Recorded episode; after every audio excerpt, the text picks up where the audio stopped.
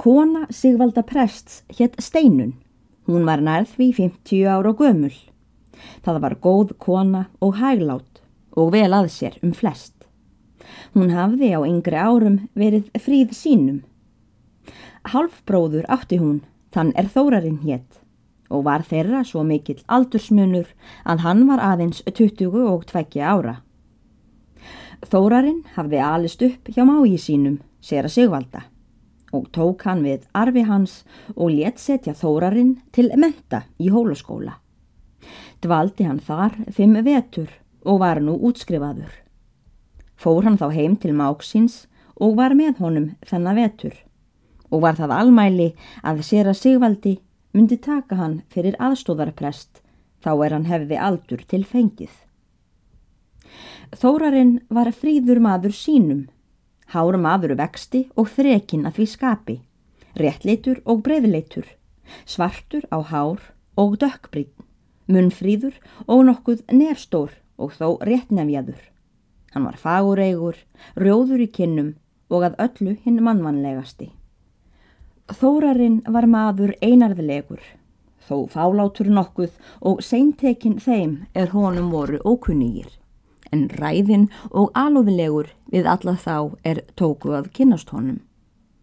Hann var gladvær og smáskemtinn en þó fáskiptinn á heimili. Þótti hann jafnan koma fram til góðs ef hann hlutaðist til um nokkuð. Þar á staðinum var stúlka einn sem Guðrún hétt og bróðurdóttir prests. Hafði fadir hennar verið lögréttu maður en að móðurinni var hún ættuð úr hrútafyrði.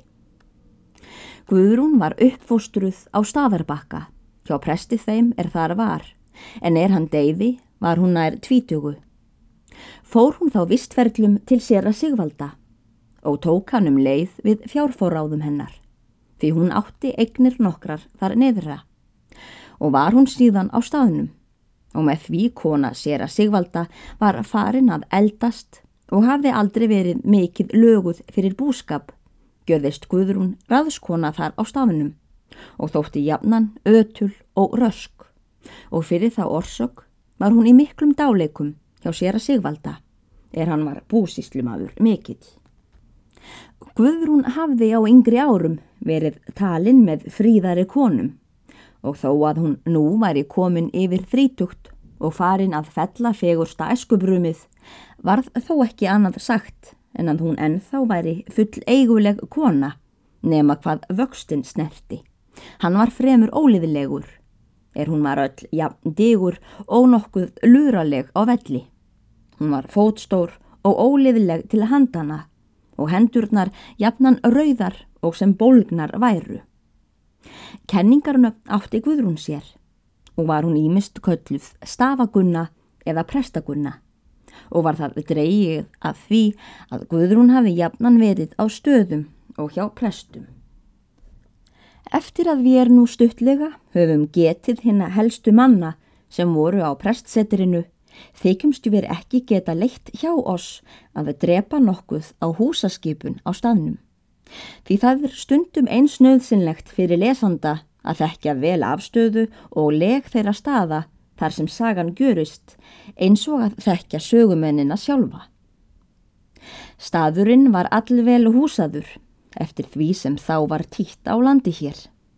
Húsin voru að sönnu flest öll orðin nokkuð forn og sér að Sigvaldi hafi látið reysa þau á fyrstu prestskapar árum sínum.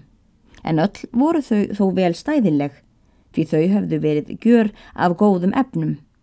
En það var það þó tíska að reysa hús sterk og grambygð og meira löguð til hlýjenda en til fegurðar einnar sem nú á tímum er tíðara. Bæjardirnar snýru gegn hásöðri og höfðu menn það fyrir víst dagsmark að þegar sólargeislan lagði inn um dirnar og inn á mölunarkvörn þá er stóð hægra megin inn frá dyrum að þá væri rétt á degi. Fyrir bæjardyrum var standfill sterklegt og í bæjarhörðinni stór koparringur sem tekið var í þegar lokaskildi eða upp ljúka. Þvers fyrir ofan hörðina að utanverðu var fælt dyrafjöl Stóð þar á skorið með rómerskum tölustöfum ártalið nær bærin hafði verið restur síðast. Upp á bæjarbustinni stóð stöng á að giska álnar á. Á henni var veðurviti. Það var spjaldlítið er snerist um járnmöndul sem var efst upp úr stönginni. Spjaldið var gagnskorið og innan í nafn prests skamstafað. Spjaldið snerist eftir vindi og týsti hátt í þegar hvast var og sögðu gárungar að fjö væri jafnan fóstra líkt því spjaldið hefði sama tónunarlag sem prestur og dróðu það af því að sér að Sigvaldi var veikrataður. Bæjaranderið var hérum fimm áluna langt frá dyrum. Innan því gengu dyr til begja handa. Voru aðrar að stofu. Hún var í þremur stafgólfum. Á þeirri hlið stofunar sem snýri út af hlaðinu og til söðuráttar voru tveir glerglukar og þar undir stóð stórt borð og sinnstóll hvoru megin með leðursetum. Bakluti stólana var mjög hár og myndi hafa tekið hverjum meðal manni í nakkagróf er hann satt.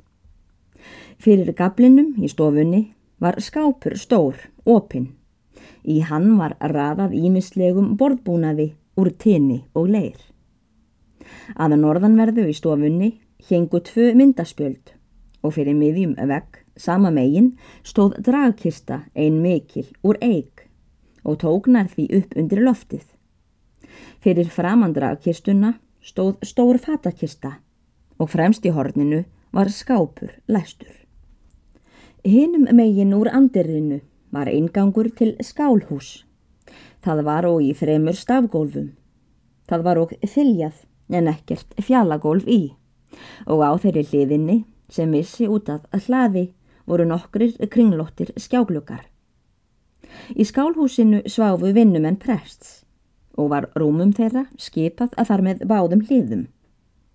Inn frá andirinu og beina stefnu úr bæjardirum lágu göngin og var skamt að ganga þar til að komu sínar dyr á hvora hönd. Gengu aðrar að búri en aðrar að eldhúsi er þar voru hvort að móti öðru. Hérum byl fjórar álnir fyrir innan þessar dyr þrötu göngin og var þá gengið á baðstofugólf mitt rétt við loftsuppgangin.